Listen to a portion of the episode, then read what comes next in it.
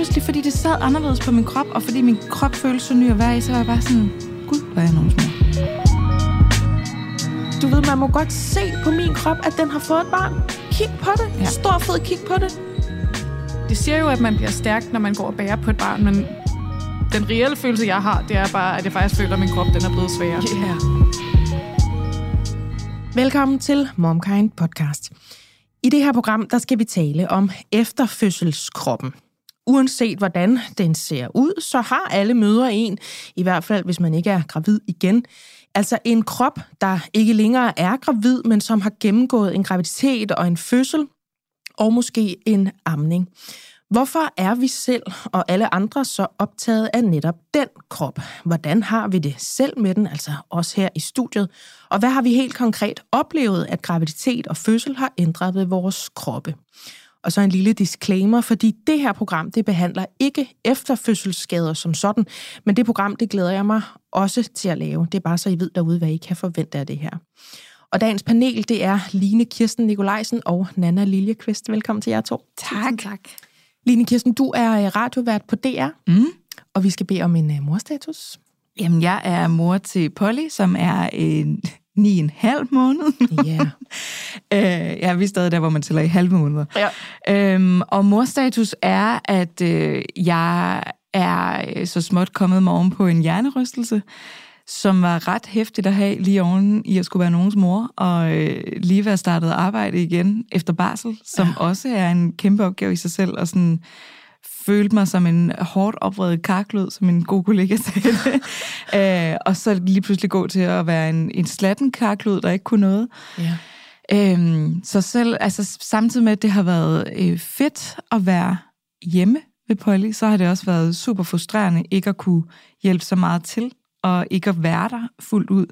Øh, og hun begynder lige at være der, hvor hun også er lidt morsyg og lidt sådan separationsangst og sådan noget, så det har været rigtig, rigtig skønt. Super. Øh, så det der med at sådan kalde, nu skal jeg ind og sove ja, en halv time. ja. Øh, min kæreste fortjener en guldmedalje, må jeg bare sige, efter Ja. de her to uger. Øh, to, to, tre uger er det jo snart, ikke? Men, øh, men ja, så det er morstatus med, med Polly. Hun er, hun er vildt optur. Ja. Jeg skal lige lære at være mor i det. ja. Øh, og være mor samtidig med, at jeg er alt muligt andet også. Ja. Du gik ind i en pæl. Jeg gik ind i en metalpæl. ja. ja. Ja, super sådan uh, tegneserieagtigt. Det er helt dumt. Kigger efter noget andet. Kiggede ikke på min telefon. jeg travlt med at sige til folk. Mm. Men kiggede efter øh, min mor, som sad i en bil, og kender ikke lige det område, vi går i, så jeg går bare smask lige ind i en metalpæl i meget højt tempo, og blev slået fuldstændig i gulvet. Og det er jo frygteligt. Altså, man kan jo ja. godt grine af det, men det er jo Ja. frygteligt. Det var frygteligt, ja. Også fordi man ved jo godt, altså når man, når man er nogens mor eller nogens far, så er det ikke bare, åh nej, nu skal jeg have ondt i hovedet, Nej. det er synd for mig. Det er alt det ekstra arbejde, ja. Der ligger på nogen, eller alt den sådan, ja. øh, koordination, det kræver, at man tager sig selv ud af den der forældreligning i x antal dage, uger. Ja, for en ting er jo, at min kæreste er på barsel lige nu, og han helt naturligt vil have hende om dagen, Ja. hvor der kunne den dårlige samvittighed slippe lidt mere, fordi der vil jeg i princippet være på arbejde. Mm. Det er jo lige så meget det med, jamen det er også aftenerne nu. Ja. Han er på 24-7 nu. Jeg havde stadig natten, more or less, fordi øh, stadig ammer om natten og sådan noget, ikke? Mm. Men, men det der med sådan at vide, det er dig, der har den 100% hele tiden, det ved jeg selv, hvor benhårdt det er. Ja. Øh, det er ikke sjovt. Og det, er, øh, det bliver kun sværere, jo ældre de der børn bliver. Ikke? Mm. Øh, fordi hun kræver mere og mere. Hun skal stimulere til løbet af dagen. Og så samtidig med det, ikke, så har jeg jo ligget derhjemme, og sådan, når de så er taget afsted på en eller anden øh, tur i løbet af dagen, så har jeg bare været dybt misundelig. Været sådan, jeg vil Ja. gerne med. Ja. Det er frygteligt at blive efterladt alene derhjemme, ikke? Og bare vide, ej, nu skal I ud af det griner på en eller anden legeplads. Det er jo røv og nøgler at have hjernerystelse, fordi man, det er jo ikke sådan, ej, hvor skal jeg se serier og læse Ej. bog. Nej, du skal sådan opbevares Ja. og sørge for ikke at kigge på noget. Ja. Imens. Det er jo bare mærkeligt. Og så dobbelt op på kedeligt, når dem, man er sammen med, de skal have det fedt. Ja. ja. Fordi nogen ikke ved, hvad en hjernerystelse er, og gerne vil ud og lege. Altså, Polly. Polly. nogen. Dejligt, du er her. Ja, og du, tak. Dejligt at være Skal vi også lige sige, bare lige hvis der var nogen, der fik tanken, du er okay til at være her. Jeg er helt okay. Ja, ja, ja. ja. Og, og er sådan langsom opstart på arbejde og sådan noget, så alt er godt. Ja. Ja. Og jeg øh, respekterer det meget. Så man behøver ikke skrive med alle mulige formaninger. Nej, alt, er, nej. alt er okay. Alt, alt er godt. Ja. Nana, du er influent på fuld tid. Mhm. Og vi skal bede om en morstatus. Ja, men morstatus er, at jeg har øh, Viggo på to år, og Charlie på fire og et halvt år. Øh, og det er kaos og kærlighed, alt der midt imellem. Mm. Øh, jeg bakser lidt med børneopdragelse her for tiden. Jeg synes, det er mega svært. Øh, vi har en fireårig, som jeg elsker over alt på jorden, men som virkelig tester grænser af. Øh, så vi er hele tiden lidt i det der dilemma der, om vi gør det rigtigt, eller om vi gør det forkert. Jeg synes, det er så svært at være i det der med, at man bare gerne vil sine børn det bedste, og så fortryder man ting, man har sagt, og ting, man har gjort, og så mm. står man tilbage med følelsen, når, man, altså, når de er gået i seng, om sådan, gjorde man det rigtigt? Ja. Øh, det synes jeg er vildt svært at være i. Er det den der med, skal vi gøre det på den hårde måde, eller på Ja. den rummelige måde? Altså sådan lidt groft sagt, gammel børnesyn, nyt børnesyn. Mm, er det ja, den? Sådan? det er det hele tiden, og man prøver hele tiden af, hvad der virker. Jeg, øh, jeg har jo bare aldrig haft en fireårig før, så øh, jeg ved ikke, om alle de ting, vi går igennem lige nu, er normale. Øh, der er bare krudt i røven fra morgen til aften, og man bliver lidt, lidt skør af det en gang imellem. Men øh, han er verdens dejligste dreng, og jeg tror, at han bare er fire år. Jeg er bare så opmærksom på, at det er lige nu, vi danner et lille menneske, der faktisk snart skal i skole. Ja. Øh, så vi prøver jo også at øh, ligesom gøre det nemt for ham, at han lige om lidt, så skal han sidde og øh, være stille og sidde og høre efter og sådan noget. Og der, jeg føler bare, at der er lang vej igen. Men Ja. jeg tror, det er helt normalt for fireårige drenge. Øh, men jeg synes, det er svært med børneopdragelse. Jeg vil ønske, at der var en facitliste til, hvad man kan gøre. Øh, og der bliver vi jo bare virkelig testet lige nu. Ja. Så det er min morstatus. Alt er godt, men øh, jeg famler lidt i blinde, når det kommer til øh, børneopdragelse, Ja. og prøver lidt nogle forskellige ting af. Jeg synes, det er mega svært. Kender. er du sådan en, der læser bøger? Eller interview? Nej, jeg, er jo ikke, det- jeg opdrager jo ikke endnu på den måde. men jeg, åh, jeg bliver faktisk lidt irriteret på sådan noget der. Men jeg ser jo, øh, jeg bruger meget af min tid på Instagram, og der kommer altid de her med sådan, hvis det her ikke virker, så prøv det her, og så prøver jeg det, og så virker det aldrig på mine børn. øh, og så prøver jeg noget andet, og så virker det heller ikke. Og sådan, jeg tror, jeg skal være mere øh, konsistent, altså mm. prøve de samme ting af i længere tid. Men man vil jo bare sine børn det bedste, og det der med, når man ikke rigtig ved, hvad fanden det er, der fungerer, det synes jeg er mega svært. Det er det da også.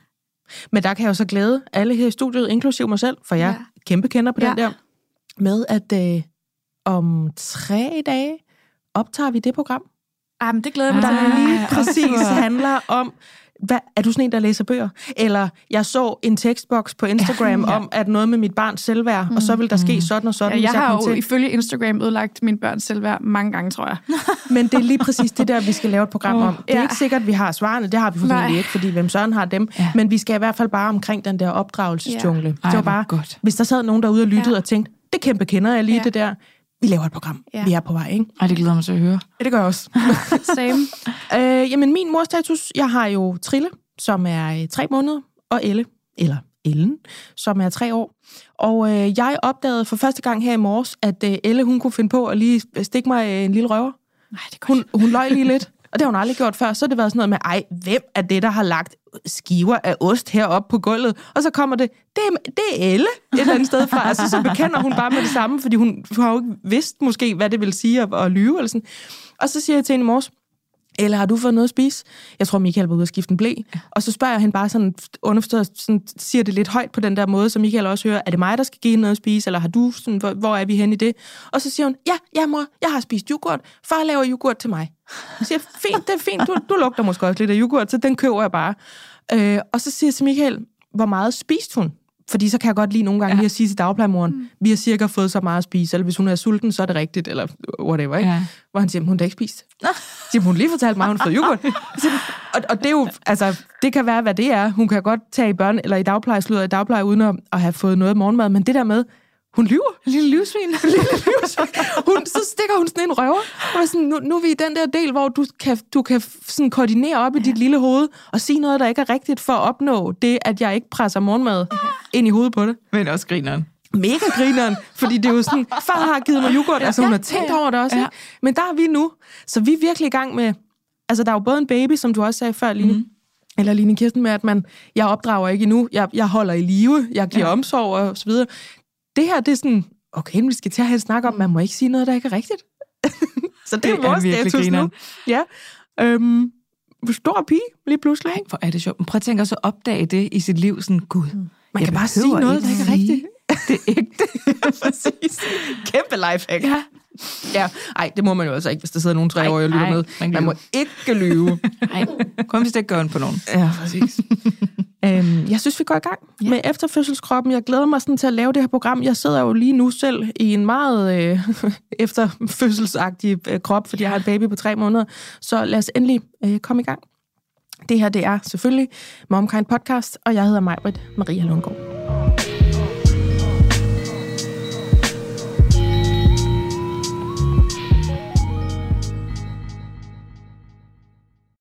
Denne episode af MomKind Podcast er sponsoreret af Puri. Og jeg har jo tidligere fortalt om, hvordan jeg er blevet glad for deres vitaminer. Men nu har jeg lyst til at dele, at jeg også er blevet glad for deres kollagen. Jeg blander faktisk deres CP1, som er testet ren kollagen, og CP3 Beauty. CP3 indeholder nemlig zink og biotin, der blandt andet bidrager til at vedligeholde normal hud, og jeg oplever faktisk, at jeg både får mindre tør hud og færre revnede fingerspidser, når jeg tager det her. Udover zink og biotin, så indeholder CP3 Beauty også C-vitamin, B6-vitamin og hyaluronsyre. Puris produkter er testet for renhed og kvalitet, herunder uønskede stoffer som tungmetaller, pesticider og lignende, og du kan selv se testresultaterne, hvis du scanner QR-koden på bagsiden af deres produkter. Har du lyst til at prøve deres kollagen eller nogle af deres andre produkter, så kan du bruge koden MOMKIND30, når du tegner abonnement. Så får du 30% rabat på de første tre leveringer, og altså på produkter til tre måneder. Line Kirsten, jeg vil gerne starte over hos dig. Mm. Fordi øh, vi har jo skrevet lidt frem og tilbage omkring de kroppe her. Ja. Og du skrev til mig, at øh, du faktisk havde lidt identitetskrise med kroppen, altså med efterfødselskroppen. Mm. Prøv lige at lukke os ind i det. Jamen altså, øhm, det handler jo egentlig mest om, at det føles som om, man har fået en helt ny krop, efter man er født. Øh, ikke i forhold til, hvordan den nødvendigvis ser ud, men også, hvordan den er at være i. Og det er klart, der er også noget andet, altså den har ændret sig og ser anderledes ud. Det kan godt være, at, der, at andre ikke nødvendigvis kan se det, for der er ved Gud mange, og det kommer vi også tilbage til, mm. som er meget travlt med at sige, ej, man kan slet ikke se, du er født. Ja. øh, og det, det kan også lyde så klamt at sidde og privilegeret at sidde og sige, øh, man kan slet ikke se. Altså, jeg er med på, at der er mange ting i det her. Det, det handler om for mig, det er, at øh, ting sidder anderledes. Så mit tøj sidder anderledes. Mm. Jeg føler mig anderledes i min krop. Øh, det kom meget sådan øh, tydeligt til udtryk ved, at jeg lige pludselig ikke følte, at der var noget af mit tøj, der sad, som det plejede. Øh, kunne godt passe det, men det sidder anderledes. Så jeg føler, at jeg skal lære at klæde mig på en ny måde, fordi de der sådan former og måder, ting sad på før, det kendte jeg ligesom, så jeg vidste, om sådan en skørt her er pæn på mig, den her synes jeg er mindre pæn på mig. Øh, og lige pludselig, så er det slet ikke sådan mere. Mm. Så jeg, jeg var virkelig sådan til min kæreste, jeg aner ikke, hvad jeg skal tage på. Og jeg føler mig mega kikset i alt mit tøj. Jeg føler, at jeg er blevet nogens mor helt vildt meget. Jeg føler, at jeg ligner nogens mor. Mm. Og det har jeg virkelig ikke lyst til. Mm. Øhm, jeg vil rigtig gerne være nogens mor, for det har jeg ønsket længe, ikke? og ja. jeg er Pollys mor. Men, men det er ikke en sådan... Jeg gider ikke på gaden, hvad en folk peger og siger, hold da op, der er nogen, der er blevet mor. Ja. Øh, jeg havde en veninde, jeg fik klippet en page. Den har vi alle sammen været ja, igennem. og det er nemlig det, men jeg har haft page længe før jeg blev mor. og så da jeg fik den klippet op igen, fordi jeg ikke har haft tid til at gå til frisøren siden april, så det var blevet langt. Ja. Så var det første, der blev sagt sådan, nå, så er der nok en, der har fået morpage. Og jeg var bare sådan, ej, jeg har page lang tid. Det kan det, passe, det er bare alt, én på page. Nu. Det er bare ens page, ja. ja. Øh, det er nogens page, og det er min page. Ja. Det er ikke nogens mors page. Nej. Øh, og det var lidt det, der sådan blev, jeg synes, at alt, jeg tog på nu, var sådan, nå, det, det ligner en, der har fået gyld på tøjet. Det ligner en, der ikke har haft tid til at tage sig af sig selv. Mm. Vi bor klods op og ned af et meget hipt sted i København, der hedder Autopol, som ja. er sådan en, en sommerbar, der åbnede, som lige pludselig stak af, at alle, der var seje i København, kom der. Jeg sidder også og tænker over, nu det har jeg aldrig hørt om, men Nej. jeg, jeg er men sej. det, det er sådan noget... Jamen, det var frygt. Jeg, hvis jeg ikke boede der, hvis jeg, ville jeg heller ikke vide det. Men det var sådan noget, åh, politikken elskede det, og ja, ja. alle, der gik i noget med læder og snore og seje små briller, kom der lige pludselig. Ja, det er altid. Øhm, og sådan at bo i det område lige pludselig, og gå ud blandt de der mennesker, jeg var sådan, ja. shit, hvor er jeg ikke sej lige nu. Mm. Tidligere har jeg godt sådan kunne føle, at jeg var okay sej. Ja. Nogle gange i det, Ja, jeg ja. tog på. Ikke? Jamen, say it. Øh, ikke sådan øh, fashion week sej, men sådan har, har følt, at jeg var okay. Ja. Og det er det samme tøj, men lige pludselig, fordi det sad anderledes på min krop, og fordi min krop føltes så ny at være i, så var jeg bare sådan, gud, hvor er jeg nogens mor. Ja. Nej, de kan gennemskue det. Ej, shit, de kan se, at jeg har et barn, når jeg kommer. Ja, ja. De kan se, at jeg ikke er ung mere. Mm. Øh, og det, jeg ved ikke hvorfor, men det, var, det har været et stort issue for mig, fordi det er jo i forvejen en, en stor identitetsomvæltning at blive nogens mor. Men det kom så, at det kom så tydeligt til udtryk visuelt, overraskede mig. Jeg kan sagtens mærke, når du fortæller om det, at du gør dig sanseløst umage for, at det ikke må virke øh, overfladisk, eller mm. som om du sådan er øh, privilegieblind og alt det mm. der. Men jeg vil gerne lige have lov at blåstemple, det er fuldstændig validt at føle, at ens selvfølelse har fået et nyt hylster. Mm. Uanset hvordan det hylster så ser ud. Ja. Der er jo også nogle kvinder, det er også noget, vi skal tale om det her med, hvis man tager på, og hvad størrelse har man. Mm. Så er der nogle kvinder, der har været øh, meget, meget slanke, øh, tynde hele deres liv, får et barn, er i alle andres øjne stadigvæk meget slanke, tynde bagefter, og stadigvæk har en meget, meget ændret mm. øh, selvfølelse i kroppen, altså i øh, kødhylstret. Mm. Til trods for, at det kunne være samfundet, eller de andre i mødergruppen, eller naboen, ikke tænker det på den måde, og tænker, når du har ingen problemer, du har ingen udfordringer, så kan man godt have rigtig meget baks med, hvad fanden er det her for en krop? Ja. Så det er bare for lige at sige, det handler ikke om kroppen per se. Nej. Det er følelsen af ja. at høre hjemme i den. Jeg er fuldstændig med dig der. Mm. Øh, og du må ikke være bange for, at det lyder som om, at du er Jeg tror altså, det er en helt normal følelse. Jeg har i ja. hvert fald gået igennem præcis det samme. Jamen, jeg, jeg, jeg er så glad for, at I, I begge to siger det, og du siger mm-hmm. det der, fordi at det, det er rigtigt nok. Jeg gør mig ekstremt umage for ikke at komme til at lyde som en eller anden irriteret, mm. privilegeret, øh, tynd person. Ja. Øhm, fordi det er ikke det, det handler om for mig. Det er der rigtig meget, der også handler om, og jeg har ved Gud haft mine struggles med min krop. Jeg har bare før også oplevet at være ude og snakke om den der følelse af at være i en krop, og ikke at føle sig tilpas i en krop, selvom den i nogens øjne er en, en flot, tynd krop. Ja. Øh, og det får man fandme nogle hug for. Mm. Så jeg, jeg gør mig rigtig umage, fordi jeg også ved, at det er sådan et giftigt område at træde ud på. Men det her handler ikke om nogen andres kroppe. Mm. Det handler om, hvordan jeg har det i min. Øh, og det handler ikke om at være tyk eller tynd, overhovedet for nej, mig. Nej. Det vil andre gerne have det til at handle om. Mm. Det handler det meget lidt om for mig. Mm. Øh, det handler meget mere om, altså sådan, hvordan føles den her krop? Hvordan fanden klæder jeg den på? Hvordan er jeg i verden i den, med den her krop, jeg har nu? Ja. Som ikke handler om den størrelse, men handler om den sådan, øh, form og øh, øh, funktion. Altså, mm. Fordi der er jo også sådan noget i, jeg har mere ondt i knæene nu, end jeg ja. ja, altså, det er sådan nogle ting. Eller sådan, jeg har fået jeg større ikke, hofter. Altså. Måske kan man drage en lidt, jeg ved ikke, om det er en fuldstændig dum parallel, men jeg tænker, det er ligesom, hvis man har fået et stort nyt ar, eller ja. hvis man har fået et brændsår, eller et eller andet. Altså, hvis man lige pludselig ser anderledes ud, og det er jo stort set fra den ene dag til den anden mm. dag, der skal man altså også lige vende sig til et nyt syn, når man ser sig selv i spejlet. Og jeg forestiller mig, at det er sådan, du har haft det. Det er i hvert fald sådan, jeg selv har haft det. Ja, og det er jo, det, er, det kan være store og små problemer. Problemer, alt efter, hvordan man ser mm. det. Ikke? Mm. Øhm, jeg, jeg sagde sådan til min kæreste den anden dag, øh, ej, hvor sjovt, mit maveskin har jeg opdaget er blevet lidt løsere her. Mm. Øh, og det er egentlig ikke noget, man nogen andre ser, tror jeg. Lige pludselig opdagede jeg bare, gud for sjovt, det over navlen, det ser anderledes ud end før. Og det var ikke ment som i, det her er et issue, det her er noget, jeg har det svært mm. med, som folk automatisk tror, når man mm. kommenterer på sin egen krop. Mm. Ja, det var bare sådan en, gud, en sjov observation. Her kan man faktisk se, at min mave har været udspillet. Ej, hvor spændende. Videre. Ja.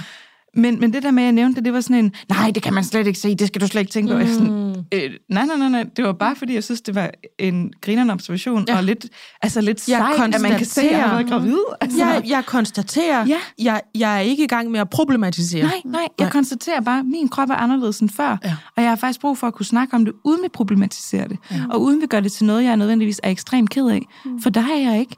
Altså, jeg er faktisk virkelig glad for min krop. Mm. og det har taget år at komme hertil. Og for mig har graviditeten faktisk rykket mig et skridt nærmere på det. Ja. Så jeg holder meget mere af min krop nu, og har fået et helt andet sådan, kærlighedsforhold mm. til min krop. Øh, og føler mig, selvom jeg sådan skal føle mig, øh, lige finde mig til rette i det stilmæssigt og sådan noget, ja. som er en, en lidt mere overfladisk ting, så øh, holder jeg meget mere af min krop. Er det, fordi den har bagt Polly? Ja. Yeah. Jeg synes jo, den er for vild. Altså, hold kæft, en sej krop. Altså, og den er gået igennem alt muligt lort i den her graviditet, også efter, og den er født Polly, ikke? Ja. Den er da for vild, den her krop. Og det, det er jo noget, mange siger, uden måske helt at mærke det, men jeg må bare sige, jeg ægte har det sådan, hold kæft, jeg er glad for den her krop, jeg går rundt med. Og hvor skal jeg bare være taknemmelig for, at det er den, der holder mig på benene. Altså, ja. Øhm, så ja, det har været en ret, øh, faktisk en dejlig positiv oplevelse ja. med den her efterfødselskrop. Ja. Selvom der er mange ting, der hedder, åh, hvordan er jeg lige til stede i den her, så er jeg bare, jeg har aldrig følt mig mere tilpas i min egen krop, og aldrig følt mig stoltere af min krop. Altså, jeg har lyst til at vise den til alle, og være sådan, prøv lige, prøv lige se, hvad den her krop har gjort. Altså, Jeg laver øhm, et overlæg på det, du Ja, sagde der. ja. Jeg har lyst til at vise den til alle. Så kigger jeg over på dig, Nana. Mm. Ja. Fordi du bruger jo din øh, ret store platform på Instagram.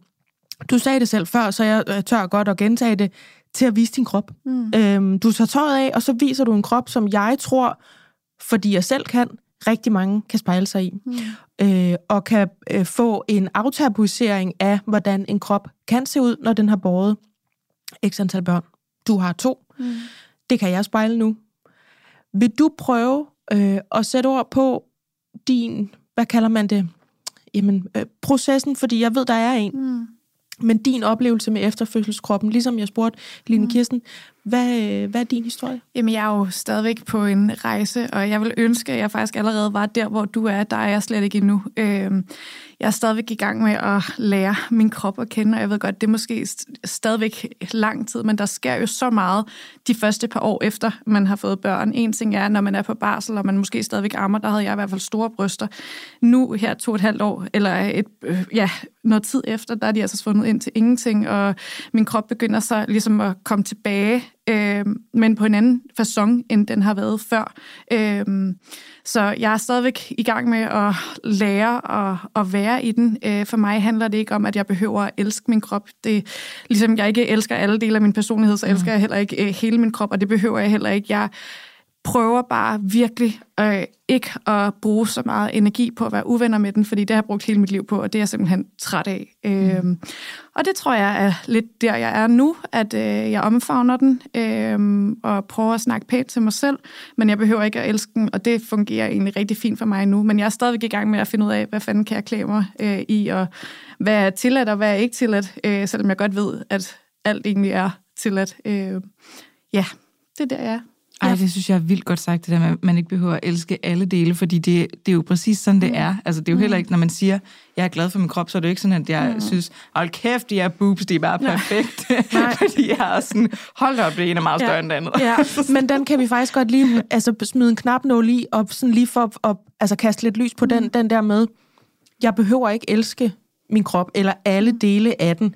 Vi skal også på et tidspunkt lave en sondring imellem, virker min krop, gør, mm. den, gør den ondt, eller altså, uden at vi går ind i efterfødselsskaderne, for det laver vi et program om, og så øh, hvordan den ser ud. Mm. Altså ligesom splitte de to ting op. Men det der med, jeg behøver ikke at elske den, øhm, det synes jeg er en vigtig ting, fordi jeg synes godt i den, den samtale, vi har med hinanden nu, øhm, både når vi kalder det en morkrop, men også bare når vi mm. kalder det for en krop, mm. så kommer der tit sådan en konsensus omkring, at man må ikke ændre noget ved sin krop, man skal mm. bruge sin energi på at lære at elske den Ja, i ja. stedet for. Og det er altså en ret stor forpligtelse mm. at give mennesker. Mm. Altså, det, det er et ret stort krav, og jeg tror for mange, at det er umuligt, og det er sådan lidt en... Kender I det der, der hedder øhm, altså giftig positivitet? Mm. Så bliver det sådan lidt, jamen, du skal bare elske den. Mm. Jamen, det er da flot sagt, men det kan jeg ikke. Og er jeg så forkert, hvis jeg ikke kan det? Kan jeg rent faktisk tage den her skjorte på, og ikke elske den her del af min krop, men stadigvæk gå ud af døren og være glad for at være afsted, og at min krop kan bringe mig derhen, og at den ikke gør ondt. Og, Altså, kan I se det der med, Ja. ja. at der ligesom... Man, man kan ikke nødvendigvis... Fordi jeg tror bare, der er mange, der dør på det bjerg, hvis man Ja. skal også. elske den krop, ikke? Altså det, ja, i mine øjne er det fuldstændig umulige krav, man stiller til sig selv. Altså vi møder, vi stiller jo voldsomme krav til os selv hele tiden. Min to-do-liste er i hvert fald 100 km lang, og jeg synes aldrig, jeg kommer til bund med den. Og hvis jeg så også har en, et punkt, der hedder, at jeg skal elske mig selv fuldstændig, så kører jeg død i den. Mm. Øhm, det er synes- derfor, jeg tænker på den måde, jeg gør i hvert fald, mm. det der med, at jeg bare prøver at lade den være, og altså lade den være det, den er, øh, Ja. og acceptere den på den måde. Du bruger for eksempel din øh, platform på Instagram rigtig meget til øh, at tale om strækmærker mm-hmm. og om den løse hud, og du siger mm-hmm. også, mine bryster er her nogle år efter øh, amninger, og meget små børn næsten mm. forsvundet. Mm. Er det det, der sådan har, har fyldt mest? Er det strækmærkerne og den løse hud? Er det der, hvor du kan sige, der er efterfødselskroppen for mig? Mm. Ja, det tror jeg. Altså, jeg har haft det rigtig svært ved at acceptere min mave, og det er nok den, jeg stadigvæk døjer allermest med. Jeg troede faktisk, at det var de der strækmærker der, men de viser sig jo egentlig at blive fine og øh, ikke så røde og sådan noget, når man er færdig med at være gravid. Øh, men jeg har haft rigtig svært ved at... Øh, anerkende, at jeg stadigvæk ser gravid ud, når jeg har en stram kjole på, selvom der er gået øh, to og et halvt år siden, jeg har født. Øhm, og at min mave altid falder ud over bukserne, øh, fordi jeg bare har helt vildt meget løs hud. Øhm, og sådan er det jo, øh, men der kan jeg bare virkelig se, at min krop har været på en proces, og lige meget hvor meget jeg træner, og hvor sundt jeg spiser og sådan noget, så vil den bare stadigvæk se sådan ud. Mm. Øhm, og så er folk jo gode til at komme med kommentarer med, at det kan bare trænes væk. Det kan det ikke. Altså, det, mm. det er sådan, min krop den ser ud. Jeg skal lægge mig under kniven, hvis jeg vil have det væk, og det er jeg bare ikke interesseret i lige nu. Nej. Perfekt. Ja. Mm. Line? Ja, men jeg synes også, der er noget interessant i det, du siger med giftig positivitet, og alt det, du siger, Hanna, fordi det bliver ekstremt hurtigt meget sort-hvid, mm. når vi snakker om de her ting. Altså enten så er det sådan en uh, you do you, du kan bare mm. gøre, hvad du vil for at komme til at se godt ud, mm. vi kan heldigvis meget nu til dags. Mm. Eller også så bliver det, uh, du skal døde pine, elske det du har, mm. uh, og du må ikke drømme om at tabe dig. Sådan, mm. Det er meget to lejre, ikke? Ja. Og jeg synes bare ikke, det er så sort-hvid. Mm. Jeg synes, det er enormt giftigt. Jeg tror, jeg har meget, jeg er kæmpe fortaler for you do you, mm. men jeg er også kæmpe fortaler for, at vi har et ansvar for hinanden, og det skal ligesom mødes på en eller anden måde, fordi den måde, vi taler om kroppen på, og den måde, vi, altså den slags krop, vi hylder som værende den rigtige, har vi et ansvar for at rykke ved alle sammen. Mm. Fordi det er også giftigt, hvis vi kun hylder den tynde krop som den rigtige, mm. og den krop, der ikke har strækmærker, og den krop, der mm. har en helt flad mave, som man overhovedet ikke må kunne se, at man har været gravid og sådan noget. Mm. Det tror jeg heller ikke på sundt. Og der synes jeg, Nana, at du gør et kæmpe stykke arbejde ved, ved faktisk ligesom at vise, når man kroppen ser sådan her ud, det betyder ikke, at du skal elske mm. nødvendigvis, fordi der er ved Gud lang vej igen, for at vi når dertil. Mm. Og det er også helt okay at acceptere. Jamen lige nu er vi også et sted, hvor at man stadig får det dårligt, hvis man ikke lige ser helt vildt tynd ud, mm. fordi vi er underlagt et eller andet helt absurd kropsbillede. Ikke? Mm. Men, men vi kan godt samtidig med det arbejde på, mm. at vi forhåbentlig når hen et sted, hvor flere kroppe er okay, mm. og hvor vi ikke tænker, man er grim, hvis man ikke er helt tynd. Mm. Altså, Line Kirsten, da vi skrev sammen om det her emne, så sagde du også, kan vi lige tale om, hvordan folk har travlt med mm, nærmest ja. at råbe efter en. Man kan slet ikke se, at du har været gravid. Og mm. det der med at komme tilbage mm.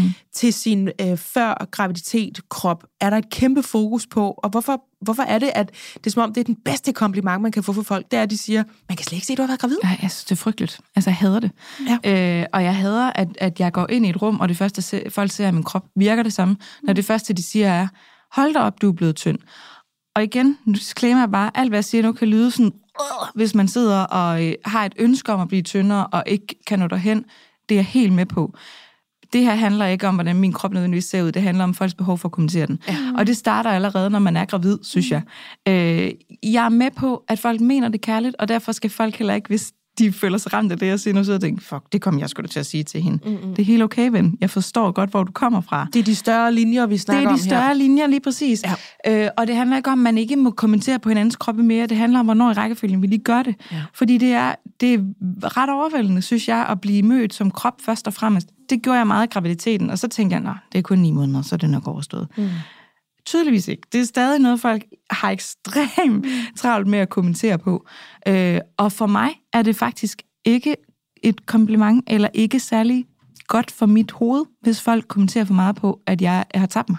Mm. Fordi jeg har kæmpet ekstremt meget med min krop. Har også været ude i noget, der er noget spiseforstyrrelsesagtigt.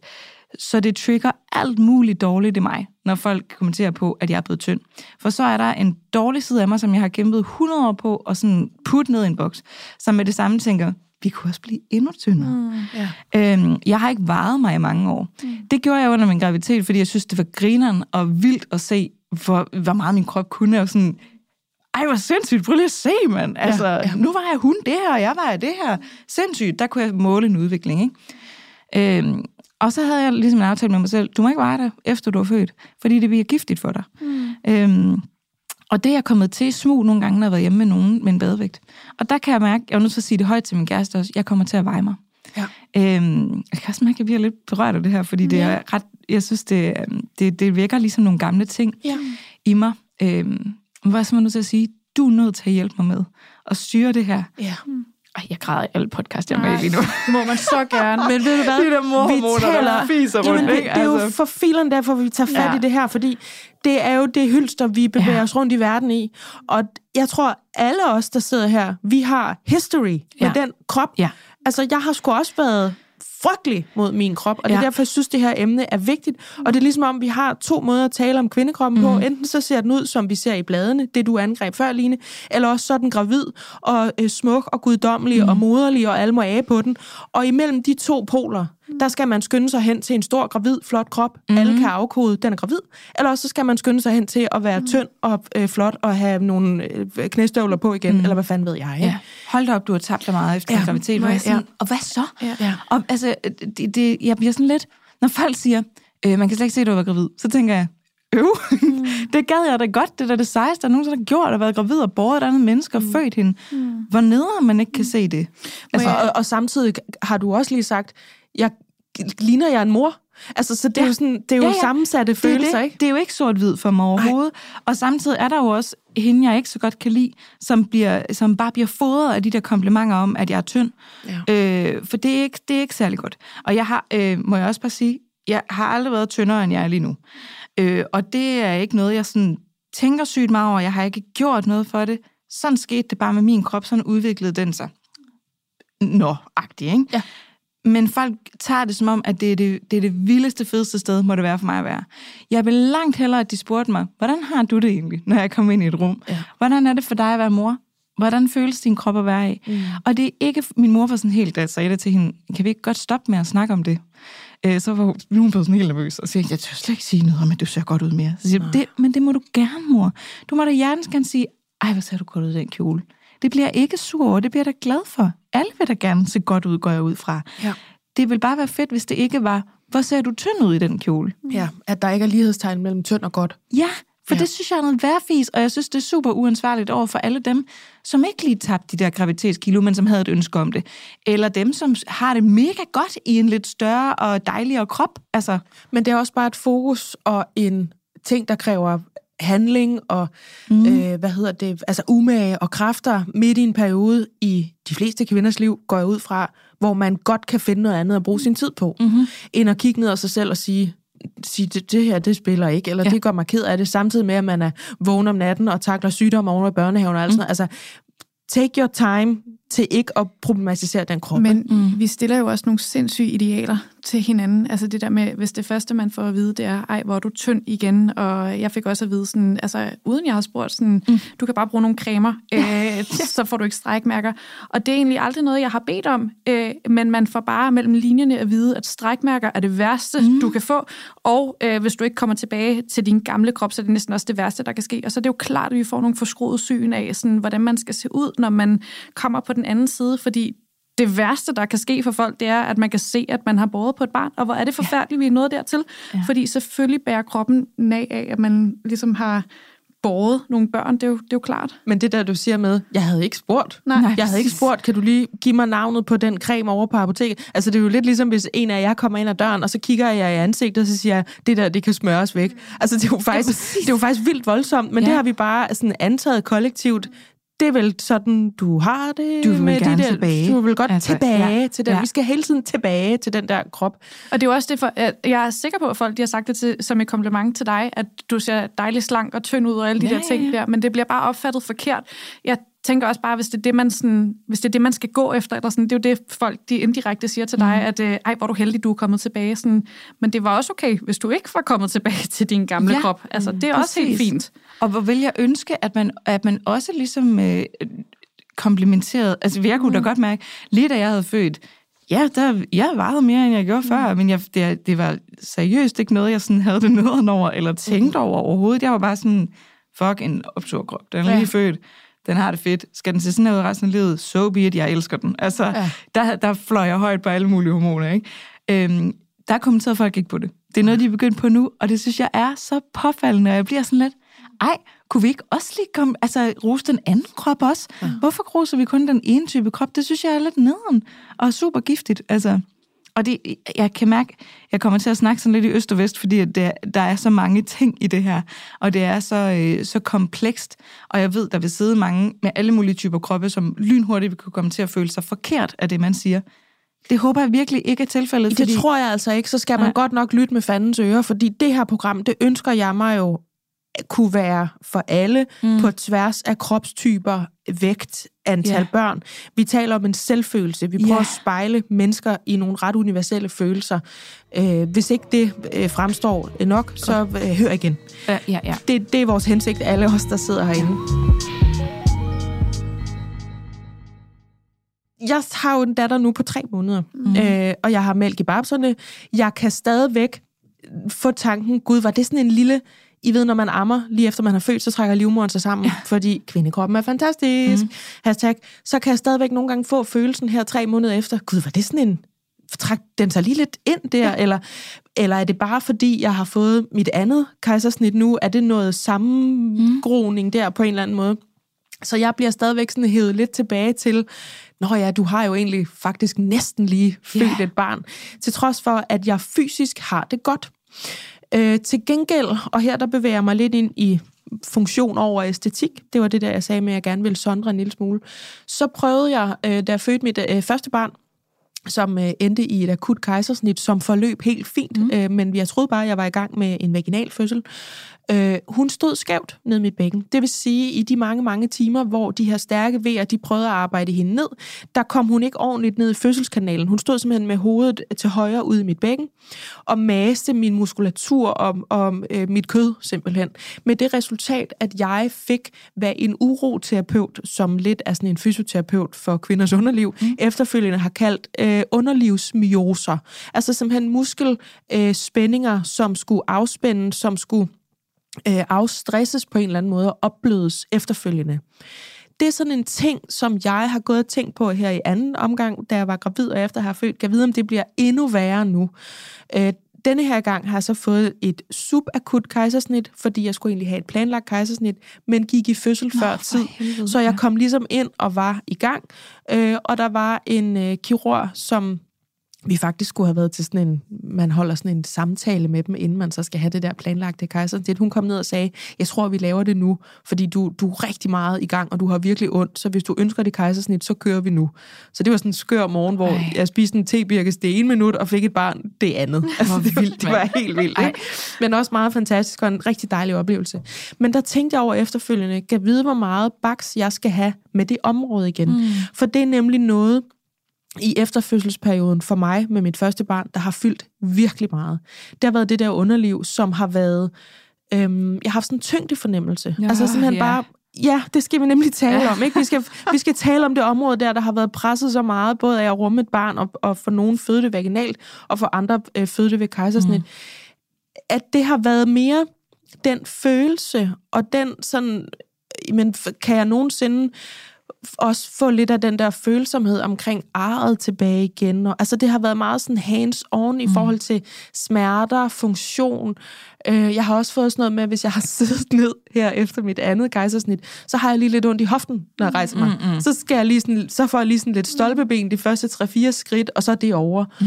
Jeg har også lidt mere ondt i ryggen, fordi det er sådan, at når man har fået et kejsersnit, så hiver man jo vævet sammen igen for at sy det sammen. Og så er det lidt ligesom, hvis man hiver en, en sweater sammen på maven, fordi der har den et hul, ja. så ryger stoffet op på ryggen. Ja, ja. Altså så trækker man lidt i den sådan, vævsbalance, der er inde mm. i kroppen. Øh, det var sådan, øh, min jordmor, hun forklarer mig det, øh, at det er sådan, i første omgang var det mere sådan smerte, ikke smerte, funktion. og da jeg så havde overskud til det, så nåede jeg selvfølgelig også til at kigge mig i spejlet. Ja. og kunne jo godt se, der er godt nok sket ting her. Altså, jeg har svinget i vægt øh, sådan det meste af mit liv. Jeg er sådan en, når jeg er stresset, så spiser jeg ikke noget, så drikker jeg bare kaffe. Så taber man sig lynhurtigt. Mm. Det er jo en rigtig usund måde at gøre det på, og er virkelig et, altså, noget, jeg skal arbejde på, når jeg har sådan øh, ja. koncentrerede arbejdsperioder. Igen, også tynd er ikke nødvendigvis godt. Præcis, det, lort det, det, det var, jeg, jeg ja. har været super øh, presset. Ikke? Øh, jeg tabte mig også rigtig meget, efter jeg fik mit første barn, fordi jeg fik en efterfødselsreaktion, og hun havde noget, der nok kunne have kvalificeret sig til at blive kaldt kolik dengang. Mm. Har mit andet barn også. Jeg er super til at lave kolikpiger, oh. som i øvrigt er i trivsel, hvis nogen skulle sidde og være bekymret. Mm. Øhm, så jeg tabte mig hurtigt. Og så ved vi godt, hvad der sker med en krop og med hud. Mm. Det bliver løst, det bliver langt, det bliver blødt på sådan en måde, hvor, som du også siger, Nana, uanset hvor meget jeg træner, hvor meget jeg i øvrigt suger maven ind, Det er også noget, jeg tror, jeg har gået og gjort sådan semi-latent hele mit liv. Lidt Det bare. tror jeg, alle Ja, kvinder ja. gør. Det tror jeg nemlig, alle kvinder Så gør. befriende, da man blev gravid, og man bare kunne give Og man bare kan Ja, ja, sådan, ej, var du blevet stor allerede? Nej, nej, jeg slapper bare af ja. med for første gang i 20 år. Hej, hej. Øhm, så, så var det sådan en, ja, det, det, det hænger bare sådan lidt ud over. Jeg kan også mærke det, når jeg sidder her i stolen. Øh, vores redaktør tog et billede af et tidligere panel, jeg havde inde tidligere på ugen, hvor da jeg så det billede, så var min første tanke, ja, man kan godt se, at jeg lige har været gravid, der skal bare lige gå lidt længere tid, så går det nok væk. Ja. Og det er sådan en autoindstilling op i mit hoved, fordi min krop virker. Jeg har ikke ondt. Jeg har ikke noget, man kan karakterisere, eller som jeg i hvert fald selv oplever som en efterfødselsskade. Men jeg har den der lille, nu løfter jeg op her, kan du se den, Anna? Ja, men den Sådan har ligesom også. en lille mave, som den er blød, og måske forsvinder den med tiden, hvis øh, jeg øh, taber mere sådan øh, øh, fedt, eller hvad man mm. skal sige. Måske er det huden, der skal øh, stramme sig sammen, og måske er det, fordi der sidder to kejsersnit oven i hinanden lige i det her område. ja. Lord knows, hvad det er. Men jeg tog den beslutning i morges, da jeg gik ud til min bil, og vi skulle ind og lave det her afsnit. Jeg tager øh, de her træningsbukser på. Ikke fordi jeg skal ud og løbe, men fordi de sidder rigtig dejligt, blødt, blødt, stramt. I ved godt sådan nogle morlæggings, ja, ikke? så dejligt. Løbetøj, men man ligger på sofaen mm-hmm. i det. Hurra! Ja. Og man kan alt mit se, sportstøj bliver brugt. præcis, og man kan se den her lille mave. Mm. Og så tog jeg den beslutning, da jeg gik op ad trapperne herude, og jeg har ikke tænkt mig at suge den ind. Nej, Fordi det er tre måneder siden, jeg har fået et barn. Og det præcis. krav, som er oppe i mit hoved, eller den, den fantasi, der er oppe i mit hoved om, jeg skal bare komme ind ad døren, og så skal jeg bare være slank, og så skal folk bare tænke, gud, har du ikke lige fået et barn? Og så skal jeg bare sige, jo, og svinge med håret. Ja, men det er bare, Så, jeg gider det bare ikke. Jeg gider ikke at putte det på mig selv, eller sådan, du ved, man må godt se på min krop, at den har fået et barn. Kig på det. Ja. Stor fed kig på Ja. det. Og så kan jeg massere den med noget lavendelolie, når jeg kommer hjem, fordi der er nogle kejsersnit, der lige skal blødes mm. lidt op og sådan noget. Altså, kan I se den der, sådan for mig føles det næsten som en form for aktivisme. ja, Fordi min krop er pisse sej. og ved du hvad, det er det jo også. Og det starter i det små, fordi det der er det mest ansvarlige, du kan gøre over for dine øh, medsøstre, mm. har jeg næsten lyst til at tage det op og sige, mm. ikke? men for alle andre kvinder. Og jeg siger ikke, at man ikke må være stolt af, at ens krop er kommet tilbage til noget, man rigtig gerne ville have, den skulle se ud som, fordi jeg ser også de der kvinder, der på Instagram poster et billede sådan, en uge postpartum, og så står ja. de Ja. bare helt, helt små og øh, øh, fitte igen. Ikke? Ja. Øhm, jeg, jeg, der var en anden træner på Instagram, der sådan dukkede op i mit feed, hvor det også var sådan noget, en uge postpartum, og så lignede hun en, hvor der aldrig havde været en baby i den mave. Mm. Øhm, og så var der, så jeg bare i kommentarsporet, at der var mange, der skrev sådan, ja, der kan man se, hvad god form gør, og sådan noget. Jeg bare tænkt, bull fucking shit, det handler ikke en skid om god form. Også noget med vinkler og pose og Ja, alt det der og jeg var sådan, hey, good for you, at du Ja. er glad i din krop. Det vil jeg næsten sige, det er det vigtigste. Det er ligegyldigt, hvordan du ser ud. Dejligt, du har det godt. Mm. Det er jeg vildt glad for. Hvor er det ærgerligt, at vi skal, at vi skal hylde det der, som det eneste rigtige. Øh, jeg, jeg postede, nu er det ikke for at sige, at jeg er bare mega god, men jeg postede et billede af min krop tre dage Nå, efter. jeg det er jo dejligt, at du gør, hvad du prædiker, kan man sige, ikke? Jo, jo, jo, altså, ja. håber jeg. Der er jo sikkert også nogen, der vil sige, du har ikke noget at klage over. Nej, nej. Jeg, jeg, øh, jeg postede et billede af min krop tre dage efter var født. Og det var ikke ment som sådan en øh, aktivisme eller noget. Det var bare sådan en, "Prøv, øh, sådan ser det ud, når man er født. Ja. Øh, jeg har store trusser på få hospitalet, fordi jeg bløder helt vildt meget, og mit hår er grimt, og altså alt er sådan, Ja. jeg havde rand under øjnene og alt muligt. Ikke? Ja. Øh, og det, der var vildt mange, der var sådan, hvor er det modigt. Mm.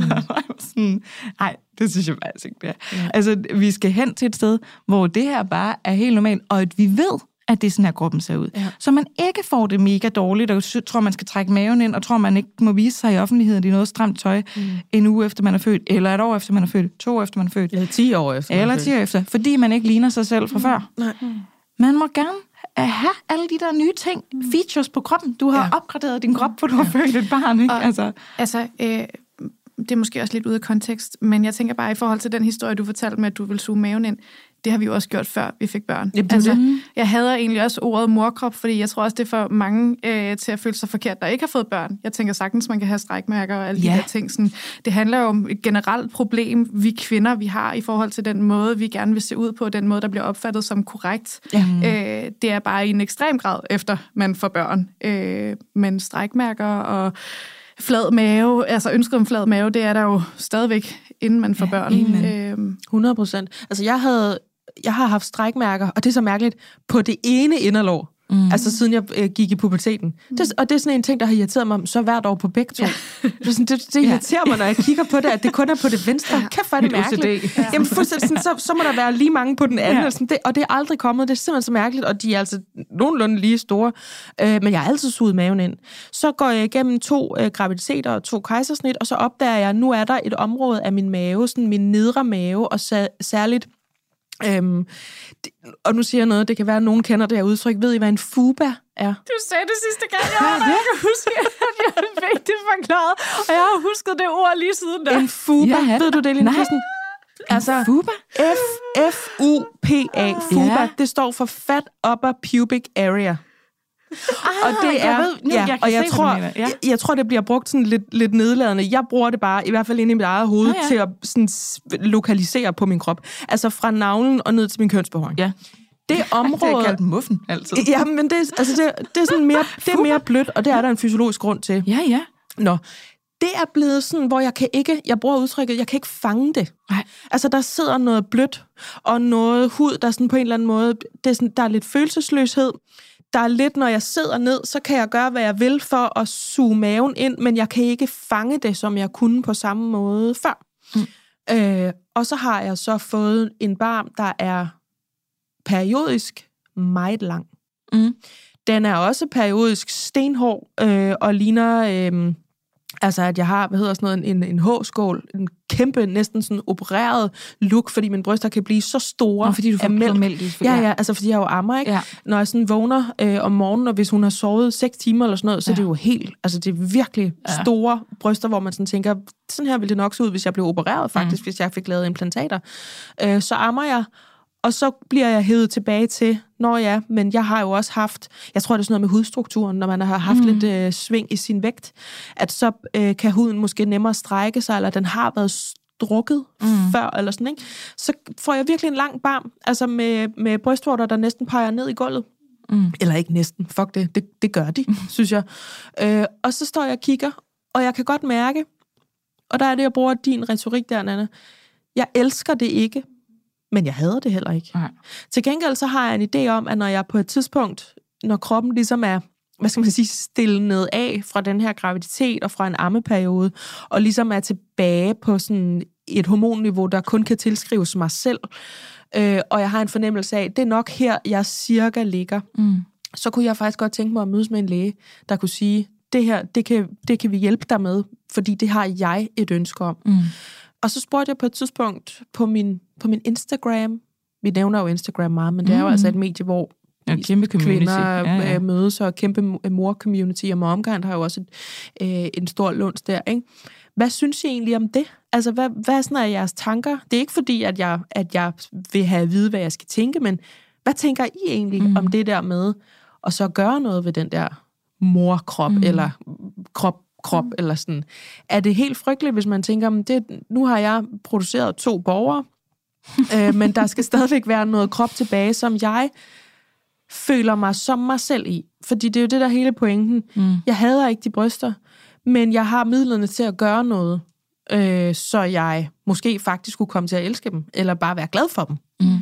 Og så kan man sådan tænke, ja, jeg har også to døtre, og måske skulle jeg hellere bruge min energi på at fejre det, der er. Men jeg tror altså, jeg ender med at få klippet cirka halvdelen af, og så sat dem op igen. Fordi det kunne jeg tænke mig, og jeg savner at føle, at jeg hører hjemme i den krop, og at den krop ser ud, som jeg føler, den ser mm. ud. Og at der er noget tøj, som jeg ikke nu føler, jeg kan have på, eller som jeg ikke vil være komfortabel i. Det er også et helt spørgsmål om, altså sådan, øhm, hvad hedder sådan noget, når jeg bare sidder på en stol, for eksempel, hvis jeg ikke har en mm. på, så kan jeg mærke, hvordan mine bryster sådan ligger ned ad maven. Mm. mm. Og igen, så kan jeg sende en hilsen til to børn, der har fået øh, babs, fordi jeg var så heldig at kunne amme, og jeg samtidig ønskede det. Men jeg sender også en hilsen til fremtidsmejbrit, som gerne vil se ud på en bestemt måde i tøj. Mm. Hvad tænker I om det?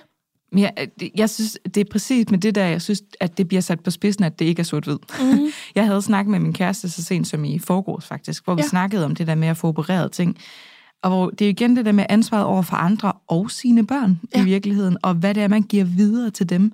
For det tænker jeg ekstremt meget over. Jeg vil gør, gøre alt, hvad jeg kan, for at Polly ikke får samme kropssyn, som jeg har haft. Ja. Og at hun får et mere tilgivende og mere omfavnende kropssyn. Øhm, og ikke kommer til at slå sig selv oven i hovedet med den krop, hun er med. Det ved jeg ikke, om jeg øh, helt kan øh, s- sådan formidle videre til hende, hvis jeg får gjort alt muligt. Mm. Men der er jo også forskel på at få gjort alt muligt, og så få fikset én ting. Mm. Øhm, og, og, og samtidig sidder jeg jo også med sådan en kæmpe, jamen prøv at høre, hvis man ved, at det her vil gøre en nærmest deprimeret, og at man ikke kommer til at være glad i den krop, og det kommer til at være for svært at, at, at forene sig med den, jamen så for helvede da bare at få ordnet de babser. Altså, Ja. så bliver jeg også sådan lidt, jamen selvfølgelig. Og tanken er da heller ikke fjern for mig, for jeg kan da også stå i spejlet og tænke, altså lige så sent som i dag, der sker andet helt fucked i min mælkeproduktion lige nu, fordi vi er på vej et, et nyt sted hen med amning, ikke? Og Ja. strap ned. Ja. Så det her over det højre, det er kæmpestort og hårdt hele tiden. Og Nå. der er kæmpe forskel på dem. Og jeg stod, jeg har sådan en stram trøje på, og sådan noget løst udenover. Ja. Fordi at jeg, tog, jeg stod med den stramme fast, og var sådan, men det kan jeg jo ikke der. Nå, fordi det er så Der forskelligt. er så stor forskel på dem. Det, er, Ja. et, et, det venstre er helt slatten og lille, og så er den, den højre en kæmpe stor hår, ikke? Jeg synes altid, Så det er højre, der er the real MVP. Ja, ja, Min højre babs står også for 80 procent af Jeg sidder lige og mærker på min egen. Ja. Gigantisk, ikke? ja. Og der kan jeg jo også se, at de gange, hvor der så er blevet tømt godt ud, jamen det højre, det ser sgu lidt anderledes ud end det andet, fordi mm. det, der jo er forskel i dem, ikke? Ja. Og det er jo ikke, fordi det er et barn endnu, og jeg, er fint, jeg har det fint med dem lige nu.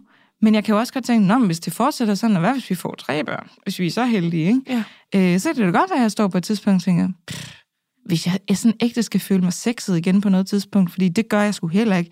Jeg er glad for kroppen, men det er ikke en sexkrop lige nu. Mm-mm. Det er en, øh, jeg har født krop. Ja. Og jeg vil egentlig gerne nå hen til et sted, hvor jeg også føler mig lidt sexet i den, og kan, kan få opbygget sådan et liv igen. Ja. Øh, og det, det er jeg spændt på, hvordan jeg kan. Og måske, øh, hvem ved, måske skal der et eller andet til. Altså, Men det er jo også lidt der, jeg har, fordi det, jeg er helt med på det der med, når vi siger morkrop hele tiden. Mm. Altså, alle kan i virkeligheden have en morkrop. Jeg tror bare, så kunne man lige så godt sige forandret krop, eller Ja, ny ja, ja. krop, eller sådan, ikke? ja, Det der med at føle, nu er den for mig igen. Og det er, guderne skal vide, ikke min mand, der har et problem med den. Ja. Altså, jeg skal bare vinke til ham. Ja, ja, præcis, så præcis. Så det er bare for at sige, der er ingen krav udefra. Jeg tror heller ikke, at der er nogen, der ser på mig og tænker, hun trænger til at get some work done. nej, nej. Det er noget, der er dybt inde i mig, og i min følelse af, er der øhm, resonans imellem det, jeg føler, og det, jeg ser. Ja, når man siger morkrop, synes jeg altså også mere, det er et, et, en snak om følelse end om udseende igen. Ja, ja. Fordi, at, at, som du helt rigtigt sagde, øh, kroppe kan også se øh, større og mindre strækmærkeagtige ud, øh, uden at have født. Ja. Øh, det handler meget mere om forandringen, når man Ja. siger morkrop, og Ja, det ikke om tror jeg udseendet. nemlig også. Altså, At man omfavner det nye, og finder ud af, hvordan har jeg det med det, uden med det samme at sige, jeg skal tilbage, jeg skal tilbage. ja, Fordi, fordi de fleste af os kommer aldrig tilbage. Nej, og tyk og stor er ikke lige med morkrop. Altså, Nej, det synes jeg da også er noget fisk. Den kan da være vidunderlig og dejlig, uden at have født nogen børn. det er Altså, rigtigt. Skal vi ikke lige nå at runde det der med tyngden? Jo. Tyngdefornemmelsen. jo. Nana? Ja, den dør jeg også stadigvæk med, selvom ja. det er lang tid siden. Men nu fik jeg også en efterfødselsskade, ikke fordi vi skal komme ind på den, men øh, jeg tror helt sikkert, at den har noget at sige øh, her stadigvæk efter. Jeg føler, at jeg lever et øh, forholdsvis sundt liv, men jeg føler stadigvæk, at min krop den er svag en gang imellem, fordi alting bare er lidt tungere, og jeg føler mig lidt fladet ud. Altså nu ved jeg også godt, at man ikke får så meget energi, eller sådan sover så meget, så det kan jo også godt have noget at gøre med, at man ikke føler sig så stærk. Men øh, det hele det tynger lidt hernede, og øh, jeg dør stadigvæk med nogle overknuder, som jeg fik dengang, og sådan, jeg kan også mærke, at jeg nogle gange har problemer med iskarsnaven, fordi det døde jeg rigtig meget med, Ja. øh, da jeg var gravid, og sådan, så det hænger jo også lidt sammen, det der med, det har jeg i hvert fald også skulle lære min krop på ny igen, at jeg ikke føler mig lige så stærk og energisk, som jeg gjorde før. Og folk, de siger jo, at man bliver stærk, når man går og bærer på et barn, men den reelle følelse, jeg har, det er bare, at jeg faktisk føler, at min krop den er blevet sværere. Ja. Øhm, Jeg føler bare, det er tungt. Ja, for Fuldstændig. Altså, jeg kan også bare føle, at det er tungt, hvis jeg står op i for lang tid. Sådan, Ja. Fordi kroppen bare... Altså, alting er jo blevet rykket lidt rundt på, og jeg tror egentlig... Altså, jeg ved godt, det er lang tid siden, jeg har født, men jeg tror stadigvæk ikke, tingene er faldet helt på plads, og jeg ved egentlig ikke, om de nogensinde kommer på plads igen. Øhm, Jeg mener, man siger, at det tager et år fra kroppen Ja. at ligesom komme Ja. tilbage med alle de disclaimers op. Ja. Ja. Jamen, tilbage, tilbage. Det er nok mere funktion over Mm. øh, æstetik, eller hvad vi skal kalde det. Ikke? Ja. Jo, og der kan godt være, at der er nogle ting, der er forandret for godt. ja, Altså, ja. Ja. Det er- Jamen, jeg, jeg kender også tyngdefornemmelsen 100 procent. Altså, jeg, jeg havde sådan et, øh, et okay langt forløb, efter jeg havde født, hvor at, øh, det viste sig, at alt øh, øh, moderkagen ikke var kommet ud. Så jeg skulle op og opereres mm. en måned efter. Ja. Øhm, og det, det kom ligesom til udtryk ved øh, tiltagende tyngdefornemmelse, altså sådan ja af smerte. Så det er forbundet med noget ret problematisk for mig, fordi det var sådan en, okay, fuck, det var, det var lige ved at gå rigtig galt der, fordi vi ikke opdagede det. Altså, ja. øhm, øh, så, og så den der tyngdefornemmelse er sådan øh, lidt halvtraumatisk faktisk, når den kommer. Så det er jo ikke kun det, at det fysisk gør ondt, det er lige så meget sådan mentalt, man hele tiden bliver mindet om. Det er ikke, hvad det har været dernede. Øh, og det, det synes jeg jo også er et, et kæmpe problem i forhold til at bygge et intimt liv op efter sin, altså sin graviditet. Jeg synes, det der sex efter fødslen er heller svært. Altså, øh, det gør ondt. Det føles ikke, som det plejer. Jeg synes alt er noget hver baks. Og skal altså... man lige nævne, øh, nu ved jeg ikke, hvad vi skal kalde den for, skeden, øh, ja. efter man har født os. Den ser også helt anderledes ud. Ja. Jeg ved ikke, om øh, det er ikke fordi, at jeg har været typen, der har haft et spejl nede og se, eller sådan noget, men jeg kan bare mærke, at øh, der er ikke andre, der skal se den. End, mm. Altså, ikke fordi vi skal komme ind på mit sexliv eller noget, men men det jeg, jeg vil gerne, vi skal tale om. mere blufærdig dernede, mm. end jeg har været før, fordi den føler jeg har ændret sig fuldstændig. Ja, ja. Men, og der er det jo jer to, der ja. skal øse, fordi mm. jeg har fået kejsersnit. Ja. Så jeg må, låner jeg mikrofonen endelig. Mm. Spejl vores lyttere der. Fordi Men jeg altså... tror også godt, du kan have det, øh, selvom yeah. du har fået kejsersnit. Jeg har fik ja. i hvert fald overknuder i øh, skeden, da jeg var gravid med Vigo, og det er det mest smertefulde, jeg nogensinde har prøvet. Og det døjer jeg jo stadigvæk lidt med, okay. fordi jeg, jeg ved ikke, om det er tyngden. Altså jeg forestiller mig også, når man har fået overknuder, så er det sådan noget, der er lidt er kommet for at, mm. at blive. Øh, mm. Men også da jeg var gravid, den ændrede fuldstændig farve. Jeg ved ikke, hvorfor en farve den var. Den var sådan... Min var blå. Ja, måske sådan lidt lavendelfarve, eller sådan. Jeg kunne slet ja. ikke genkende den. Og den bliver jo bare heller ikke helt den samme efter. Øh, og det er okay også at savne den, som den var før. Fordi en ting er, hvad vi kan se, eller sådan mm. noget, men der er jo forbundet så meget, øh, altså ens personlighed ligger jo også i ens intimitet, og hvis 100, den bliver ja. frataget lidt på, ja. Men det er jo også det måde. der med, jeg, jeg synes, at hele det der med intimitet er jo også forbundet med det der med, at man, man har videt sin krop til et andet menneske, som ikke er ens kæreste i den periode. Ikke? Øh, så jeg har meget svært ved at rumme, at der skal være flere hænder på min krop. En ting er, at det, det føles anderledes at have sex, og det ikke, ikke nødvendigvis er sådan en vild rar oplevelse endnu. altså, det, det, det tager tid, i hvert fald. Det er ikke bare lige den der wham bam, thank you man, Nej. som det kunne være før. Det kan godt være, altså, man kan gennemføre et samleje ja, ja. Med, med penetration. Jo, men, jo, og det kan være rart i længden, men... Ja, ja. Men det kan også, lige så vel som forståelsen af en ny krop skal opbygges, kan det være, at den del af livet skal opbygges, mm. eller, eller gen øh, fortolkes mm. eller opfindes. Eller og den del ja. tror jeg bare er enormt hård for så mange kvinder. Jeg kan ja. i hvert fald huske, at det første år, da, øh, da jeg var på barsel med Vigo, jeg boede i en t-shirt, altså også bare mm. sådan, øh, for at komme tilbage til, til kroppen. Jeg boede i en t-shirt øh, om aftenen, når jeg skulle øh, sove med min mand, fordi jeg bare var flov over det hele. Mm. Og så når vi skulle altså, øh, øh, ja, være intime sammen, og sådan, der var det bare rigtig, rigtig svært for mig, fordi jeg bare sådan, jeg følte mig for det første ikke som mig selv i mine bryster, mm-hmm. der var svundet ind til ingenting. Min mave, den var sådan lidt... Øh, og det samme følte jeg faktisk også, mit underliv var. Mm. Øh, så det har bare taget mig rigtig lang tid at finde tilbage til den del, som vi havde før, og der er jeg jo ikke engang rigtig helt endnu. Nej. Fordi man bare sætter enormt høje krav til sig selv, og man faktisk ikke kan genkende sig selv. Og der kan jeg bare godt sætte mig ind i den der identitetskrise, som mm. man virkelig føler efter, fordi jeg føler også, ja. sådan, at, at brysterne er sådan sat helt ud af spil, fordi, altså, fordi jeg ammer, ikke? Ja. Øh, Jamen, så det er jo det, sådan, alt det, man hendes... forbinder med altså, nydelse og sådan noget, det ja. er jo øh, med nu, ja. ikke? Og jeg har i lang tid øh, haft behov på konstant, fordi mm. det er jo lækker. Mm. og jeg, øh, jeg gider ikke skifte sengetøj hele tiden, mm. så jeg, bare, right, jeg sover med BH og ja, armbrækker ja. og alt muligt. Ikke? Ja. Eller ikke armbrækker, men øh, hvad hedder det? Ja, armenlæg. Vat, ja. ja, sådan noget. Ikke? Ja. Øhm, og, og det har også været sådan en, øh, de her tæller ikke med mm-hmm. lige nu. Mm. Du må ikke røre, for jeg kan ikke klare flere bare hænder og munden man, på dem. altså man lugtede af mælk, eller sådan, ja. det kan, den der uh, sure lugt af mælk, som jeg i hvert fald havde, da jeg ammede, og sådan, den synes jeg bare heller ikke var... Jeg følte mig bare sådan lidt svedig, og lidt som om jeg ikke havde været i bad, og alle ja. de der ting. Ja. Alle de ting, jeg føler, der sådan er lækkert ved mig, det føler jeg bare blev frataget ja. fuldstændig i min barsel, fordi man bare lidt levede for et andet menneske, man skulle sådan opfare det. Ikke? Men det er jo ja. også sådan den skal man sige, den ret akutte første del ja. af efterfødselskroppen. Mm. Mm. Det er jo også, altså i virkeligheden, selvom man har børn på 35, mm. har man jo også en efterfødselskrop. Ja, ja, ja. Altså det der med, at der er et før og et efter, at man får børn rent kropsligt, ikke? Det kræver virkelig arbejde, synes jeg, mm. fra min side, mm. at, ja. at få, øh, få et kæresteliv i gang mm. igen. Ja. Øh, og få min krop med i det, fordi der er min krop en del af det kæresteliv. Ja. Og det er ved Gud ikke min kærestes skyld, det her, for han gør alt, hvad han kan, ja. for sådan at rose mig og tale mig op og gøre mig opmærksom på, hvor flot og sexet, alt sådan noget, han synes, jeg er.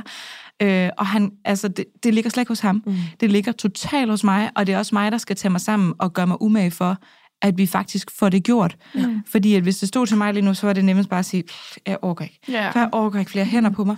Jeg orker ikke, at, at min krop skal være, ja, ja mm. at min krop skal være til rådighed for andre end mig selv. Og så, ja, Polly, fordi det, hun lever af den. Mm. Mm. Altså, så det, det, det er meget sådan en total en del af identitetskrisen. Men jeg altså. kæmpe spejler der på den der, Lene ja. Kirsten. Nu ved jeg også, altså jeg har en baby på tre måneder. Mm. Det er ikke fordi, vi skal på altså, hotel øh, sex ophold og sådan noget. Det er slet ikke der, vi er i vores liv lige nu. Sexcation. Men nej, det er sgu ikke nogen øh, staycation med, med dealer eller noget som helst. Det er bare, gå væk, can I help you? Jeg er lige ved armen for ja. 8. gang i den her time. Ja. Men, men jeg kan sådan, så, altså det her, det er sket i den her uge. Mm. Jeg står på badeværelset, jeg skal i det der bad. Jeg kalder det morbadet, det fordi bad. jamen, det er der, ja. hvor man får lov at gøre det hele. Ja, ja, og, ja, ja. og jeg, i virkeligheden havde jeg også den retorik for lov, fordi mm. folk skal stoppe med at spørge om lov, så gå i bad. Man skal bare gå i bad. Ja. Øh, Sådan men, er det bare ikke altid. Men man spørger nej, om lov. Men man, man, kan jeg nu at vaske hår? Ja. Ja. Øh, og så står jeg der, vi har købt os nogle ret store spejle. Jeg kan se altså fra min isse til ned under knæene. Og jeg, ja, det er nemlig. Og men det, det viser sig, og, altså jeg skal faktisk sådan jeg kan mærke, at jeg skal arbejde lidt med mig selv for at blive stående mm. og kigge. Mm. Og det er både, fordi jeg følger med i den rejse, kroppen er på, mm. fordi jeg føler, at der sker noget næsten uge for uge. Øhm, jeg taber mig ved at amme. Det er mm. ikke alle, der gør det, men det gør jeg. Mm. Så jeg kan se, hvordan tingene sådan rykker sig lidt rundt. Mine proportioner ændrer sig. Det er jo en sindssyg altså, proces at være i. Virkelig mm. efterfødselskrop spot on. Øh, men jeg kan også se de der bryster, som nok er det, der der fylder mest for mig, og så kan jeg se arret fra begge kejsersnit, og jeg siger arret, fordi mm. man skærer oven i det samme. Igen, ah, okay. så linjen er faktisk, der kun har været et, og de har gjort det virkelig, virkelig dygtigt. Mm. Dejligt arbejde. Tak til Holbæk sygehus. Ja. Øhm, men så står jeg der og siger til min mand, som jeg jo stadigvæk synes er det lækreste i hele verden.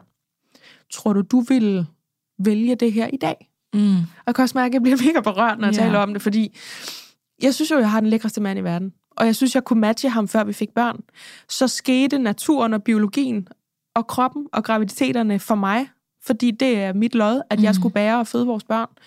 Og så står jeg tilbage og skal ligesom have den her opgave med at værdsætte den krop nu. Mm. Og jeg kan love jer for, at jeg er taknemmelig for, at den ikke gør ondt, at den stadigvæk fungerer, at den har ernæret begge børn, båret dem, født dem, alt det der. Men det, der er tilbage til mig, på min tallerken, når der kun står mig, Britt, mm. og når der så nedenunder står kæreste eller øh, intime partner eller sådan noget, det føler jeg næsten er krummer. Mm. Der, der er ikke noget, hvor jeg sådan tænker, endnu i hvert fald i den her omgang, øhm, det her, det er en krop, som er, er troværdig. Og så spørger jeg om min mand, som, som elsker mig, og som er et ordentligt menneske, og så siger han, skat, du er pivfræk. Mm. I love you would smash any day. Altså, så kører han den lidt den der sådan icebreaker-agtige yeah. retning. Men det laver bare ikke om på, at det er faktisk en samtale, vi har derhjemme. Ja. Øh, til trods for, igen, som du også siger, Line Kirsten, at folk kan kigge på mig, og så kan de sikkert tænke, du har ikke noget brugt over. Jamen, jeg, jeg er okay med det, jeg er tilfreds med det, men jeg elsker ikke det hele, og det er et aktivt emne for mig, at det ændrer sig, mm. og at jeg har ændret mig. Jeg føler ikke, jeg er sådan, som jeg ser ud. Nej. Og det må man have lov til at føre en samtale om, det er så agtet, hvordan andre så ser ud. Og må jeg også bare lige sige, det er altså ikke andres privilegie at bestemme, hvordan du skal have det op på øverste etage. Nej. Så, øh, så Bare tak. lige for os at sige ja. den bredt ud. Tak, altså sådan, der, det, der er er nogen, der tror, at de ja. gerne må bestemme, hvordan andre skal have det med deres krop. Ja. Det kan man ikke, Nej. uanset hvad størrelse man så har. Vi er nødt tak. til bare lige at anerkende, ja. at sådan, ja. vi har det alle sammen, måske lidt bakset med den, fordi der er et fucked up kropsideal. Ja. Og det er uanset, om man er tynd eller tyk. Men hvordan det er på øverste etage, det kan andre ikke bestemme, og det kan andre ikke øh, gøre noget ved. Så bare lige inden man begynder at blive rasende over tak. sådan noget. Altså, ja. Jamen, det er jeg glad for, at du siger. Jeg mm. synes selv, jeg har været god til at sige sådan noget til, når jeg har folk i studiet, som netop sidder og laver de her disclaimer, fordi jeg er fuldstændig enig i, det er, det er egentlig et lidt betændt ja, område. Det det. Altså kroppen generelt, og så kroppen efter børn. Øhm, men ja, man, man kan nu engang ikke udøve sindlægskontrol heller, når det kommer til, til vores kroppe. Nej. Jeg tror også, det der med intimitet, i hvert fald for mig, så er det forbundet med mange andre ting, øh, for jeg kan jo fuldstændig genkende til det, du siger, det der med, at jeg føler, at hvis vi ser Nana som en helhed, så er der måske 1% intimitet tilbage, mm. og jeg kan bare ikke genkende mig selv, men det handler jo også om, at jeg faktisk nogle gange ikke føler, at jeg kan genkende øh, min mand og, og, og, og mit forhold mere, mm. øh, fordi at man bare lever i et hamsterhjul, og der er ting, der skal ordnes, og sådan, så for mig hænger det jo også sammen med, at jeg godt kan føle mindre værd i forhold til den kone, jeg egentlig gerne vil være, fordi jeg bare er så fokuseret på børnene, mm. og det tager man jo med ind i sengen, og altså i intimiteten og ja. sådan nogle ting. Ja. Og så bliver jeg pludselig meget fokuseret på min krop, og så bliver jeg fokuseret på, om han synes, at jeg er dejlig at være i seng med, og om han synes, at jeg har en dejlig personlighed og sådan nogle ting. Der er bare så mange ting, der spiller ind, fordi vi har båret på så meget i så lang tid og fordi at hele familiestrukturen bare er ændret fuldstændig. Jeg kan også virkelig godt savne den måde, vi var kærester på, inden vi fik børn, og det mm. tror jeg bare, jeg tager med ind i vores intime liv. Mm. Hvis det giver mening. Jamen, der er det giver en, en, en mental overbygning også. Altså, ja. der er tanke, og så er der krop, øh, lige så vel som der også er funktion og æstetik, og jeg føler egentlig, at vi har fået rundet begge mm. dele. Er der noget, nogen af jer to, Nana eller Line Kirsten, I tænker, det her, det skal jeg altså lige have med, inden jeg runder det her program af? Er der noget, vi skal have sagt, eller noget, der skal præciseres? Mm, jeg, øh, jeg, vi har jo egentlig været inde på det, mm. men bare lige sådan et vigtigt budskab, altså sådan, synes jeg selv. Ja, kom med det. at, at jeg synes egentlig, det vigtigste at tage med herfra, det er lidt, hvordan vi, vi taler om hinandens kroppe. Mm, ja. øh, det er helt vildt rart, at der er et rum, hvor vi også skal snakke om, hvordan det føles at være i den her krop. Men, men for mig er det, det, der fylder ekstremt meget, er den måde, andre ser mig på. Ja. Så det er måske mere en bøn, end det er et budskab. Det er mere sådan en bøn om, hey, har I, vil I ikke hellere spørge, hvordan jeg har det, end at kommentere på, hvordan min krop ser ud, når jeg kommer ind i et rum? For jeg er altså mere end en krop. Øh, det var jeg sindssygt meget, da jeg bar det her barn, og i den der barselsdagbog, man kan skrive, og man kan rase ud, ja. som Olga Ravn har lavet. Ja. det jeg har skrevet mest er også, jeg har mere end en krop. Ja. Fordi alle så ind til min krop, ikke? Og det vil sige, det gælder stadigvæk. Jeg er altså mere end min krop, og jeg vil helst være øh, rigtig meget andet end min krop. Så please spørg, hvordan jeg har det. Og det er ikke, fordi vi så senere ikke må snakke om, at min krop har udviklet sig, eller at den ser tynd ud, eller tyk ud, eller whatever. Men, men lad os snakke om det, når det falder naturligt i samtalen, og ikke som det første sådan, øh, øh hej Line, du har tabt mm. dig. Altså, ja. Det er underligt, og det er, ikke, det er ikke særlig godt. Og som vi også måske har fundet frem til i den her snak, tynd er ikke lige med, øh, det fungerer godt på øverste etage. Det kan godt være, man har det helvede til, når man er tynd. Det var bare lige sådan en... Og så også måske en anden ting. Altså, jeg kan huske, jeg var så ked af det, da mine strækmærker kom, fordi jeg bare mm. havde fået altså, tatoveret ind i mit hoved, og det var det værste, der kunne ske. Dit liv bliver altså ikke ødelagt, hvis du får øh, strækmærker. Og Nej. man er så skide fokuseret på det der. Øh, men man vender sig til det, og livet går videre, og på et tidspunkt, så håber jeg, at man finder ud af, at man faktisk er dejlig, og man er meget mere en krop, som du selv siger. Mm. Øh, så jeg ved godt, at det er voldsomt, når man lige pludselig får de der helt røde strækmærker, men det er okay, og øh, de lysner sig, og man er stadig dejlig, og alle de der ting. Mm. Ja. Preach. Ja. God, god, godt punkt, vil jeg sige. og jeg vil også sige meget apropos efterfødselskroppen. Jeg skal stadigvæk tisse ret ja, hyppigt. Skal jeg, jeg er på tisse-schedule, uh, fordi at jeg tisser for meget. Det er en ting, når man... Tisser for meget? Ja, man må kun tisse hver tredje time. What? Er det, det tror det jeg ikke, jeg overholder. Med knibe. Jeg har gået til øh, fysioterapeut med det, øh, så jeg ved ikke, om det er sådan for alle, men i hvert fald, hvis du tømmer blæren for tit, så lærer du den, at den er lille. Åh oh, gud. No, oh, ja, så du skal hele tiden sådan prøve at strække det lidt mere. Jeg sidder jo sådan her. Altså, ja, men så er det det, jeg sidder og gør lige nu. Ja. Ja. Ej, det, det er også slet ikke snakke om knibeøvelser. Altså, det, ej, ej, det er noget, man skal. Det gør jeg men det, men det er faktisk, fordi der kommer et program, der bare hedder Hej Underliv, ja, øh, som blandt andet ja. handler øh, om det. Godt. Øh, det her var kroppen, skal vi sige, øh, øh, eks, eksternt. Ikke, ja. ikke. Du er nødt til at lave en par to, tre, ja, for der er tusind ting, man kan snakke om her. Jeg føler også, den her samtale, den kunne bare blive ved. Ja, ja det er ja. rigtigt. Det skal den desværre ikke, men øh, jeg skal sige tusind tak til altså Line Kirsten Nikolajsen og Nana Lillekvist, fordi I ville være med i det her program om efterfødselskroppen, og altså de 3% af den, som vi nåede ja. at øh, behandle i dag. Tusind tak, fordi I var med. Selv tak. Selv tak. Det her, det var MomKind Podcast.